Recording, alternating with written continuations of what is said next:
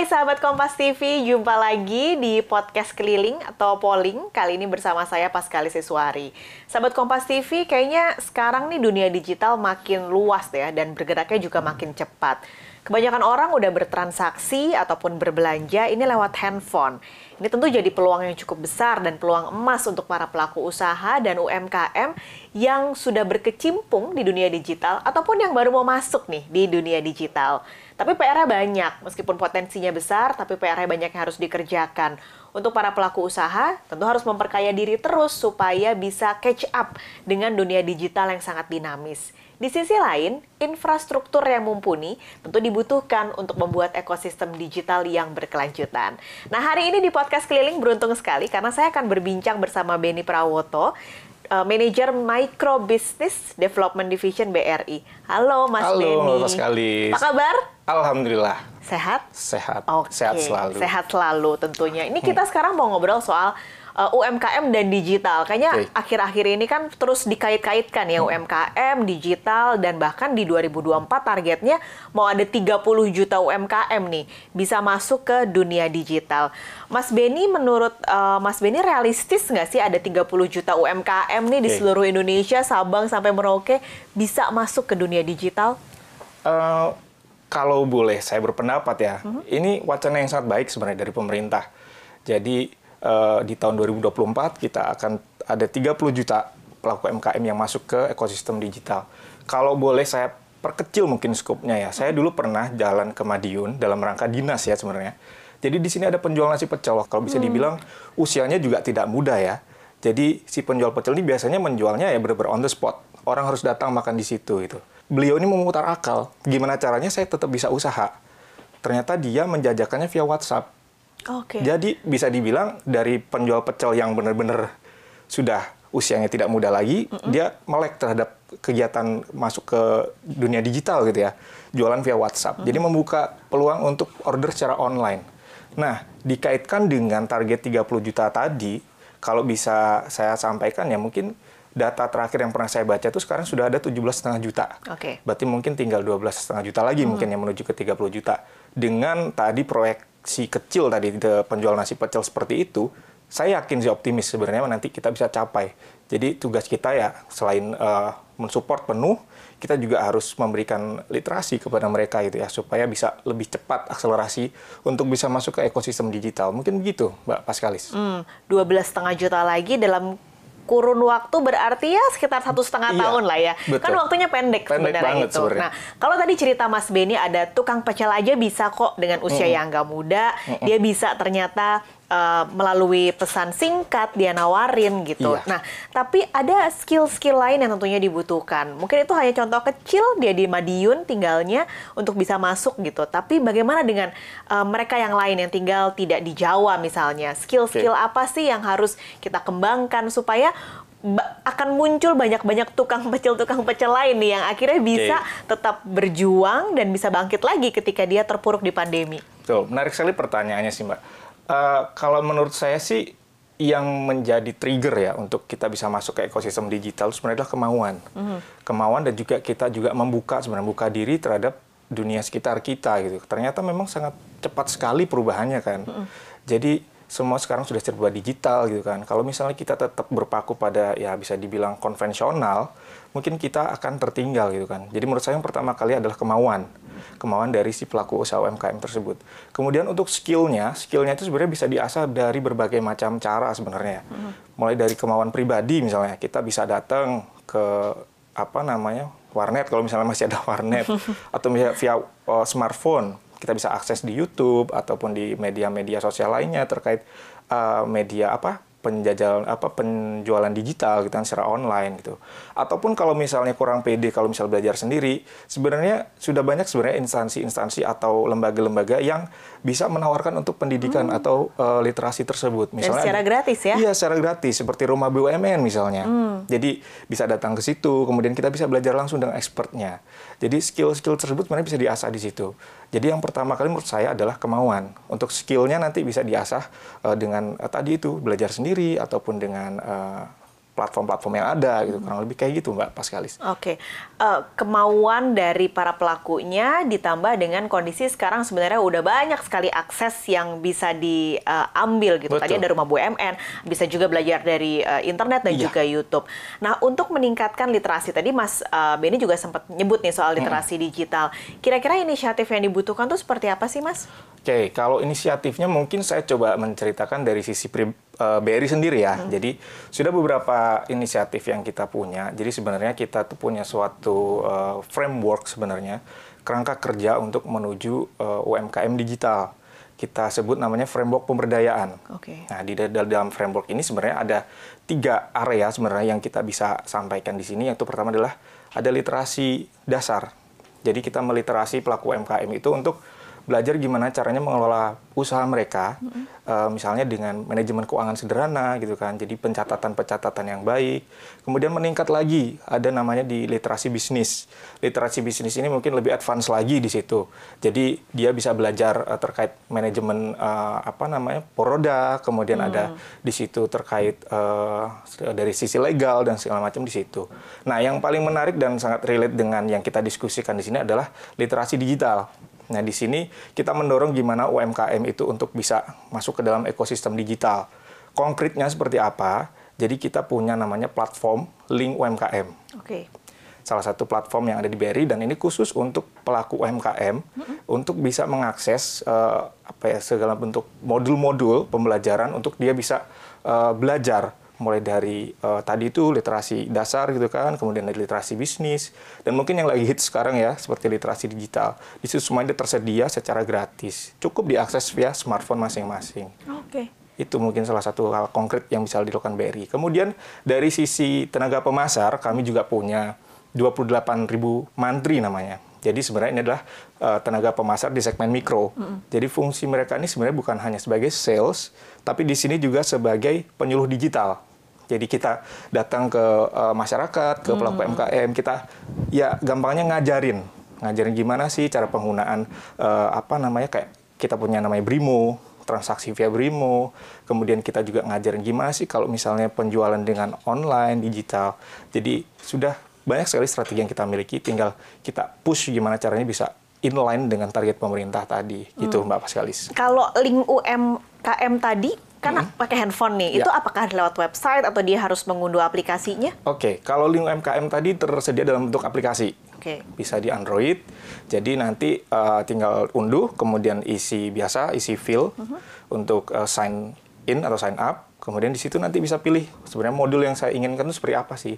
Kayak misalnya terkait penjualan, kemudian penjualan online, manajemen keuangan, semua ada di situ. Gitu. Hmm, jadi lengkap ya sebenarnya lengkap ya. sekali, tersedia dan gratis. Nah, itu, itu yang paling penting. -hmm. Ini sebenarnya kalau ngelihat dari uh, BRI kan pengalamannya tentu banyak karena bertemu langsung iya. dengan para pelaku usaha UMKM di daerah-daerah. Tadi ada 28 ribu mantri juga -hmm. yang ketemu langsung dengan para pelaku usaha pengalamannya seperti apa sih Mas ketemu dengan mereka langsung? Apa sih sebenarnya kesulitan ataupun kendala? Karena kan kalau ngelihat penjual-penjual kecil gitu ya, kadang kan mereka nggak terlalu uh, care gitu dengan laporan keuangan iya, misalnya. Iya, oh ya udah saya belanja segini, oh ada untung alhamdulillah mm -mm, gitu. Nah, apa sih kendalanya Mas? Tadi seperti yang disampaikan Mbak Pascal ini pertanyaan sangat menarik sih. Jadi kendalanya di lapangan itu memang uh, level penetrasi atau level literasi ke terkait uh, keuangan, kemudian hmm. digital itu memang beragam Hmm. Jadi kita tidak ada start dalam titik yang sama. Jadi benar-benar beragam itu. Jadi memang challenge-nya adalah di situ. Gimana kita bisa mengedukasi satu persatu gitu kan e, masyarakat. Makanya kita punya tadi mantri yang bisa bersentuhan langsung dengan masyarakat hmm. ataupun nanti secara massal kita juga punya platform tadi link UMKM. Jadi kita bisa langsung menyentuh secara massal e, dengan e, handphone masing-masing, smartphone masing-masing. Itu sebenarnya tantangan yang yang menurut saya itu yang sangat challenging gitu ya. Hmm. Apalagi dengan target tadi pemerintah yang cukup besar. Jadi ya itu tadi uh, gimana kita bisa menyentuh satu persatu nasabah uh, kita gitu. Tapi uh, dari pelaku usahanya sendiri mau nggak sih mas sebenarnya membuka diri kah untuk diajarin gitu? Sangat mau hmm. dan mereka sangat terbuka sekali karena mereka menunggu ya. Oh tahu gitu dari dulu dong diajarin kayak gini ah. gitu kan. Nah apalagi kemarin pandemi. Jadi pandemi pun itu sebenarnya tidak perlu diajarin dalam arti begini. Ketika kepepet, bahasanya kan tidak gampangnya ketika kepepet, pasti kan mereka mencari jalan keluar gitu kan. Nah, itu tadi mereka belajar sendiri, hmm. kemudian coba-coba segala macam. Nah, kemudian ditambah lagi dengan kita aktif untuk uh, apa ya namanya menyentuh mereka itu menurut saya juga apa ya uh, bisa menjadi uh, sweetener apa ya penyemangat untuk bisa lebih cepat gitu loh untuk bisa hmm. mengadopsi digital gitu. Itu sih. Mbak Paskalis. Uh, berarti soal transformasi digital tadi tadi Mas Beni juga sudah menjelaskan panjang lebar soal uh, apa yang dialami oleh para pelaku usaha UMKM. Hmm. Urgensinya ini sebesar apa sih Mas transformasi okay. digital ini? Menarik nih, urgensinya sebesar apa? Kalau saya bisa bilang ini sangat urgent sebenarnya. Hmm. Kenapa? Karena tadi yang praktiknya di lapangan kan seperti tadi yang saya jelaskan ada penjual nasi pecel, kemudian ada UMKM yang memang sangat sangat antusias gitu untuk belajar digital. Tapi dari sisi lain, dari sisi saintifik ya kurang lebih saya bilang, saya bisa bilang. Jadi dalam uh, penelitian ternyata di dalam kurva adopsi teknologi ternyata ada kelompok-kelompok yang dinamakan itu sebagai early adapter dan early majority. Hmm. Saat ini tuh mulai bergeser, Mbak. Jadi mungkin angka persisnya saya agak lupa, tapi kalau misalnya jadi visualisasi atau gambaran, kelompok ini mungkin dulu menguasai 10% dari total populasi. Nah, sekarang ini bergeser jadi 15 atau 20%. Jadi orang-orang yang punya keinginan untuk berubah -hmm. dan punya keinginan untuk bisa mengadop, mengadaptasi atau beradaptasi dan mengadopsi teknologi itu semakin besar. Jadi itu tadi, kalau misalnya kita nggak ikut berubah, ya telat gitu mm. kan, ketinggalan lingkungan kita sudah berubah. Itu satu. Yang kedua mungkin ada riset lagi terkait interaksi digital itu ternyata sekarang tuh berakselerasi lebih cepat, empat tahun lebih cepat dibandingkan waktu yang seharusnya. Hmm. Jadi harusnya orang-orang yang sudah melek smartphone tuh harusnya di 2026 gitu kan. Ternyata kelompok-kelompok ini tahun 2022 tuh sudah banyak gitu. Hmm. Ada lagi yang juga tingkat kepemilikan digitalnya juga lebih menarik lagi. Jadi dia itu ternyata 10 tahun lebih cepat. Harusnya itu terjadi di 2023 eh 2032 misalnya. Hmm. Ternyata sekarang sudah terjadi. Jadi itu tadi lingkungan kita itu sudah berubah kalau misalnya kita tidak bergerak, tidak ikut berubah, ya ketinggalan gitu kan. Termasuk di sini pelaku MKM. Kalau misalnya uh, tidak bergerak, tidak berubah, ketinggalan nanti sama konsumennya gitu kan. Jadi urgensinya seperti apa? Sangat urgent menurut saya. Karena kalau nggak lari dari sekarang benar-benar ketinggalan, ketinggalan ya. Karena ternyata mundurnya jauh sekali gitu. Benar. Nah, uh, salah satunya adalah uh, Pesta Rakyat Simpedes. Kita mau bahas ini sekarang. Okay, nah, ini. kita melihat Pesta Rakyat Simpedes ini dibuat oleh tabungan BRI Simpedes mm -hmm. sudah dimulai 24 Juni kemarin betul, betul, betul. ada ratusan ya bahkan 379 titik dibuatnya. Okay. Uh, Boleh cerita Mas uh, karena berarti sudah berlangsung. Oke. Okay. Bagaimana pelaksanaannya? Kalau boleh saya cerita terkait pelaksanaan, mungkin kemarin kita laksanakan di Malang ya, hmm. di Juni. Alhamdulillah rame banget. Mm. Jadi kayak apa ya suatu udara segar gitu loh. Masyarakat tuh benar-benar dapat wah ini ada apa ya kayak ada tontonan gitu kan, ada apa ya kayak uh, eh, PRS itu ada pesta rakyat gitu kan. Datang semua datang ke situ. Tidak cuma masyarakat tapi juga pelaku UMKM pun datang mm situ kan. Jadi memang uh, eh, PRS ini seperti sebuah apa ya uh, angin segar setelah masa pandemi kita selama ini di rumah nggak hmm. ngapa-ngapain pembatasan sosial dan ternyata ini memang sangat animo masyarakat sangat baik sekali di sini. Hmm. Gitu Mbak Paskalis. Oke. Ini Pasar Rakyat seperti ini juga sebenarnya salah satu bentuk BRI untuk apa? Membantu lalu juga jemput bola para ya. pelaku usaha dan UMKM supaya bisa semakin uh, apa ya? Semakin kualitas digital ini semakin tinggi dan literasinya semakin meluas. Betul. Jadi PRS ini bukan hanya sekedar uh, untuk mengumpulkan massa ya, tapi hmm. di situ ada misi literasi juga. Nah, kalau bisa dibilang ini sebenarnya PRS ini setiap tahun mengusung tema sebenarnya Mbak. Kita mengusung tema tertentu. Untuk tahun 2022 ini kita punya tema uh, eh, UMKM semakin tangguh untuk selalu dapat menghadapi perubahan yang cepat dan berskala besar. Tagline-nya hmm. adalah uh, eh, PD memimpin perubahan. Oke. Okay. Jadi kita punya tagline uh, UMKM PD memimpin perubahan karena salah satunya itu tadi kita selama pandemi kita struggling kemudian dan akhirnya kita juga, uh, sudah terbebaskan dari sini makanya kita punya tagline itu supaya kita lebih cepat uh, dan lebih mampu untuk uh, menerima perubahan yang berskala besar di masa depan gitu kan. Nah di PRS ini sendiri sebenarnya konsepnya itu bukan cuma ngumpulin masa sebenarnya. Kita punya enam pilar sebenarnya mbak. Jadi ada panggung yang itu tadi yang menarik animo masyarakat ada artis-artis, kemudian ada musik gitu kan. Nah, di situ kemudian ada pasar. Di pasar ini semua bisa jualan, dari UMKM bisa jualan, dari masyarakat juga bisa belanja gitu kan. Kemudian dari sisi yang lainnya adalah pawai. Pawai ini seperti arak-arakan. Jadi arak-arakan di keliling keliling kota gitu kan. Nah, di situ nanti uh, kita mengarak hadiahnya, kemudian kita juga uh, mengajak pelaku UMKM untuk bisa memamerkan, mau pamer gitu, show off gitu kan produk-produknya gitu. Dan yang dinanti-nanti nih, yang paling dinanti adalah dari sisi uh, panen hmm. panen hadiah maksudnya. Jadi setiap ada event PRS kita juga ada hadiah-hadiah yang sangat menarik. Yang paling besar grand prize-nya itu ada mobil. Wow. Kemudian, ya, itu di setiap kota itu? Iya, di setiap kota. Bisa dihitung berapa mobil yang yeah, kita bagi-bagikan buat nasabah. Kemudian kita juga ada peduli. Mm. Peduli itu berarti kita memberikan uh, layanan kesehatan seperti cek darah dan seterusnya.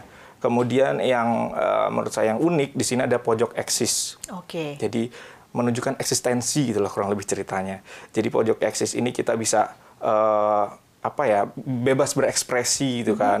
Kemudian ada foto-foto buat anak muda yang pengen foto-foto upload di media sosial atau juga yang punya apa ya uh, keterkait ketertarikan di e-sport kita wadahi oh. juga, kita fasilitasi juga di situ. Dan ini semua akan kami lakukan di 379 titik. Gitu ya, kurang lebih di seluruh Indonesia dan kita sudah jalan di Medan, eh sorry di Malang, Medan, dan nanti akan ditutup di Solo. Oke. Okay. Di Desember nanti. Jadi Desember. semua masyarakat uh, silakan uh, hadir di PRS di kota masing-masing, pasti semua kebagian gitu kan. Silakan datang. Gratis? Gratis. Ini ya keyword ya. yang paling ditunggu-tunggu gratis ya. Dan semua, semua bisa datang. Tadi juga menarik yang aku uh, penasaran adalah soal pojok eksis. Mm -mm. Itu kayaknya lucu itu. Boleh diceritain lagi nggak Mas uh, Benny? Oke. Okay. Pojok eksis ini sebenarnya kita uh, ngikutin ini ya, maksudnya tren juga. Karena milenial ini kan semakin apa ya menguasai lah ya kurang lebih begitu. Jadi pojok eksis ini kami create supaya kita juga menarik atensi atau animo dari masyarakat yang mungkin segmen usianya milenial. Datang ke situ kemudian kita buatkan konsep seperti mungkin yang narsis gitu mbak mas mbak Paskalis yang narsis bisa foto-foto kita siapkan ada spot-spot foto gitu kan kemudian ada yang suka e-sport misalnya nah di situ kita juga siapkan untuk apa ya turnamen e-sport. Hmm. Kemudian kita juga ada workshop pelatihan. Jadi kalau misalnya UMKM pengen belajar gitu kan, jadi di situ ada kelas kayak misalnya belajar fotografi selama ini upload di media sosial kok fotonya kayaknya angle-nya kurang menarik atau segala macam. Nah, hmm. di sini kita wadahi, kita fasilitasi, kita datangkan expert di situ, hmm. kita ajari para pelaku UMKM. Kemudian ada workshopnya juga. Jadi nggak cuma diajari tapi juga di langsung dilatih di situ di, di, di workshop itu. Jadi benar gimana cara memoto yang baik dari expert. Dan alhamdulillah kemarin waktu di Malang rame semua. Hmm. Mulai dari panggungnya rame, hmm. kemudian dari uh, apa workshop dan juga dari uh, pelatihannya rame, semuanya rame, benar-benar apa yang memberikan optimisme gitu, keyakinan. Seperti yang tagline-nya uh, tadi PRS tahun ini, yaitu PD memimpin perubahan gitu kan. Jadi kita semua ready untuk menghadapi perubahan yang semakin cepat mm -hmm. dan berskala besar di masa depan gitu. Mm. Sebagai gambaran juga berarti itu kalau ternyata banyak sekali orang karena animonya besar, gambaran kalau ternyata banyak kok yang mau belajar kan iya, untuk betul. bisa uh, memperluas literasi mereka, iya. memperkaya mereka harus apa nih supaya betul bisnisnya sekali. sukses. Berarti dari tadi ada pelatihan, ada workshop, ada mm -hmm. seminar uh, tadi Mas Beni udah nyinggung sedikit ada fotografi di sana. Tapi selain itu Mas, ada hmm. pelatihan-pelatihan apa lagi sih yang bisa didapatkan nih para pengunjung ketika mereka datang ke Pesta Rakyat Sepedes ini? Pelatihannya sebenarnya sangat banyak ya, tidak terbatas dari sisi uh, fotografi ataupun dari sisi penjualan secara digital. Mungkin bisa jadi terkait uh, gimana sih cara memproduksi produk yang higienis Oke. Okay. Kemudian gimana caranya membranding, mm -hmm. membranding uh, produknya gitu kan, nggak asal-asalan. Keripik enak itu kayaknya kan, ya semua keripik enak kan, pasti kan nggak ada kecap nomor dua gitu kan, pasti mm -hmm. pengen kecap nomor satu. Tapi gimana caranya keripik ini bisa langsung menarik gitu, nah itu kita ajarkan juga. Kemudian dari sisi packaging, kemasannya gitu kan ingat nggak dulu mbak kalau misalnya kerupuk gitu kan pakai lilin gitu kan nah itu udah nggak nggak zaman gitu kan yeah, yeah, yeah. ada kemasan-kemasan sebenarnya lebih menarik mm. dan juga bisa meningkatkan daya apa ya daya tarik dan juga penjualan dari produk itu gitu jadi nggak terbatas dari sisi fotografi ataupun upload di medsos gimana jualan, tapi banyak sekali pelatihan. Jadi kalau misalnya penasaran apa aja sih, datang aja. Hmm. Itu itu triknya itu, datang aja Oke, di datang karena gratis juga kan. Jadi Gratis. sebenarnya nggak eh, ini eh, hanya perlu effort aja datang ke sana Mm-mm. dapat ilmu lagi. Benar. Berarti setelah ini kan sudah Malang dan Medan ya. Iya, nah, setelah betul. ini enam bulan ke depan wilayah-wilayah mana lagi nih yang akan dikunjungin oleh Pesta Rakyat Simpedes? Oke, jadi intinya kita akan berada di 379 titik. Mhm. Tapi untuk yang mungkin kota-kota besar yang akan kita datangi, clue-nya aja ya supaya penasaran nih, mana nih kota aku dapat nggak ya dapat ah, biar stay tune terus. Jadi mungkin saya kasih clue ada beberapa kota ada di Palembang, Mhm. kemudian ada di Lampung, Bandung dan kota-kota besar lainnya gitu. Lainnya mana aja silakan nanti stay tune terus pokoknya pantengin terus official accountnya eh, BRI di Twitter, Instagram, Facebook atau mungkin dari official accountnya Kompas TV pasti di situ ada. Yang official ya, harus yang Official. official. Oke. Nah, tapi kalau misalnya nih Mas udah dicek, wah ternyata wilayah saya nggak didatengin nih sama Pesta Rakyat Simpedes. Gimana dong? Saya juga pengen dapat ilmu yang sama dengan UMKM-UMKM yang didatengin Pesta Rakyat Simpedes. Ada cara lain nggak? Ada cara lain, pasti banyak cara ya. Jadi jangan sedih karena kita sistemnya tahun ini itu hybrid. Oke. Jadi selain kita on site di kota, kita juga online. Jadi kita menyiarkan kegiatan ini di eh, Kompas TV. Oke. Mm-mm. Jadi masyarakat yang mungkin eh, kotanya kebetulan tahun ini belum kedatangan PRS ataupun mungkin lagi ada kegiatan jadi nggak bisa datang langsung bisa mantengin Kompas TV untuk bisa stay tune terus dengan PRS kita gitu mbak. Biar dapat ilmu yang sama dari Pesta Rakyat Simpedes. Bener. Oke. Gitu. Berarti pertanyaannya, saya bukan nasabah BRI nih, boleh nggak datang? Boleh banget. Jadi kan pesta rakyat Semedes, bukan pesta nasabah BRI Oke. kan ya. Jadi pesta rakyat ini semua masyarakat boleh datang. Semua masyarakat boleh datang, bisa memanfaatkan eh, apa yang ada di situ. Mulai dari tadi ada eh, pojok eksis, kemudian ada bazar, ada kuliner, semua boleh datang ke situ. Terlebih lagi kalau misalnya pulang-pulang jadi nasabah itu wah alhamdulillah sekali gitu kan. Karena ya, di sana ya karena di sana kita juga ada ready tenaga pemasar kita sudah ready. Jadi di situ kita bisa melayani pembukaan rekening. Kemudian mau tanya-tanya terkait produk BRI, kemudian terkait digital segala macam kita layani semua ada pokoknya apa ya? eh, lu lu minta gua ada gitu. Wah. Palu gada. Palu gada. Iya, gitu. PRS itu kayak gitu, semuanya ada gitu. Oke, Iya. ini menarik karena ilmu ada. Tadi sampai cek kesehatan aja gratis Ada, kan. betul. Nah, jadi sebenarnya nggak usah susah-susah bisa datang ke sana, Hmm. manfaatnya banyak sekali. Termasuk nih ada hiburan, Uh-uh. ada artis nasional yang Iya. juga diundang.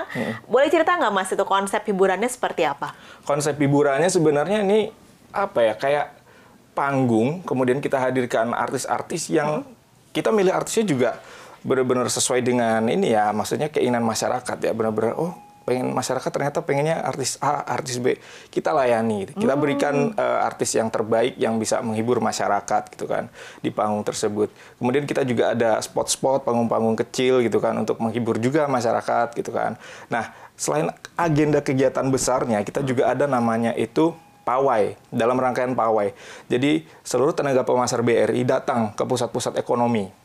Jadi kayak di Oke. pasar, kemudian kerumunan-kerumunan, kita datang ke situ. Kita coba uh, melakukan penetrasi kepada masyarakat untuk membuka rekening, kemudian kita juga mengajarkan terkait digital, berimung nih maksudnya di sini. Kemudian di situ juga ada spot-spot hiburan juga. Jadi hiburan itu banyak banget gitu. Jadi nggak cuma hiburan yang menghibur, tapi juga ada uh, edukasinya di situ, gitu Mbak Paskalis.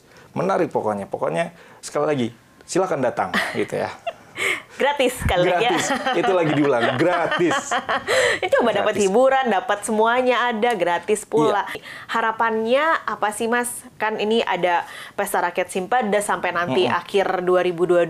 Harapan dari keseluruhan acara ini sampai nanti di akhir tahun akan di puncaknya di Solo tadi apa Mas? Oke, harapannya mungkin secara overall ya. Saya saya nggak ngomong terkait PRS aja. Jadi intinya dengan PRS ini sebenarnya adalah sebagai uh, wahana kita ya untuk bisa mengajak UMKM untuk bisa lebih terliterasi, kemudian kita juga bisa menyentuh UMKM bisa lebih dekat gitu kan. Nah, harapannya itu tadi UMKM ini bisa terliterasi, kemudian dia juga semakin pede untuk memimpin perubahan. Karena Oke. perubahan di sana itu semakin cepat mungkin ya, semakin cepat dan mungkin lebih besar lagi di masa yang akan datang. Jadi harapannya ini semua ini rangkaian acara ini membawa eh, pesan tersebut dan hasilnya tadi UMKM bisa lebih pede. Itu sih harapannya. lebih pede, tentunya berguna juga untuk para UMKM ini bisa Iya. masuk di dunia digital dan semakin uh, sukses untuk para UMKM. Betul sekali Bapak sekali. Terima kasih banyak Mas Terima Beni kasih, Mbak sudah Paskalis. berbincang di polling Kompas TV di Ya. episode kali ini. Sehat selalu, semoga acaranya sukses sampai Amin, nanti di amin. akhir Terima kasih. Desember. Sehat terima selalu, kasih. Mbak Paskalis. Sama-sama, terima kasih Mas Beni. Dan sahabat Kompas TV, demikian podcast keliling atau polling Kompas TV kali ini kita berjumpa di polling di episode lain yang tentu tidak kalah menarik dari saat ini. Sampai jumpa.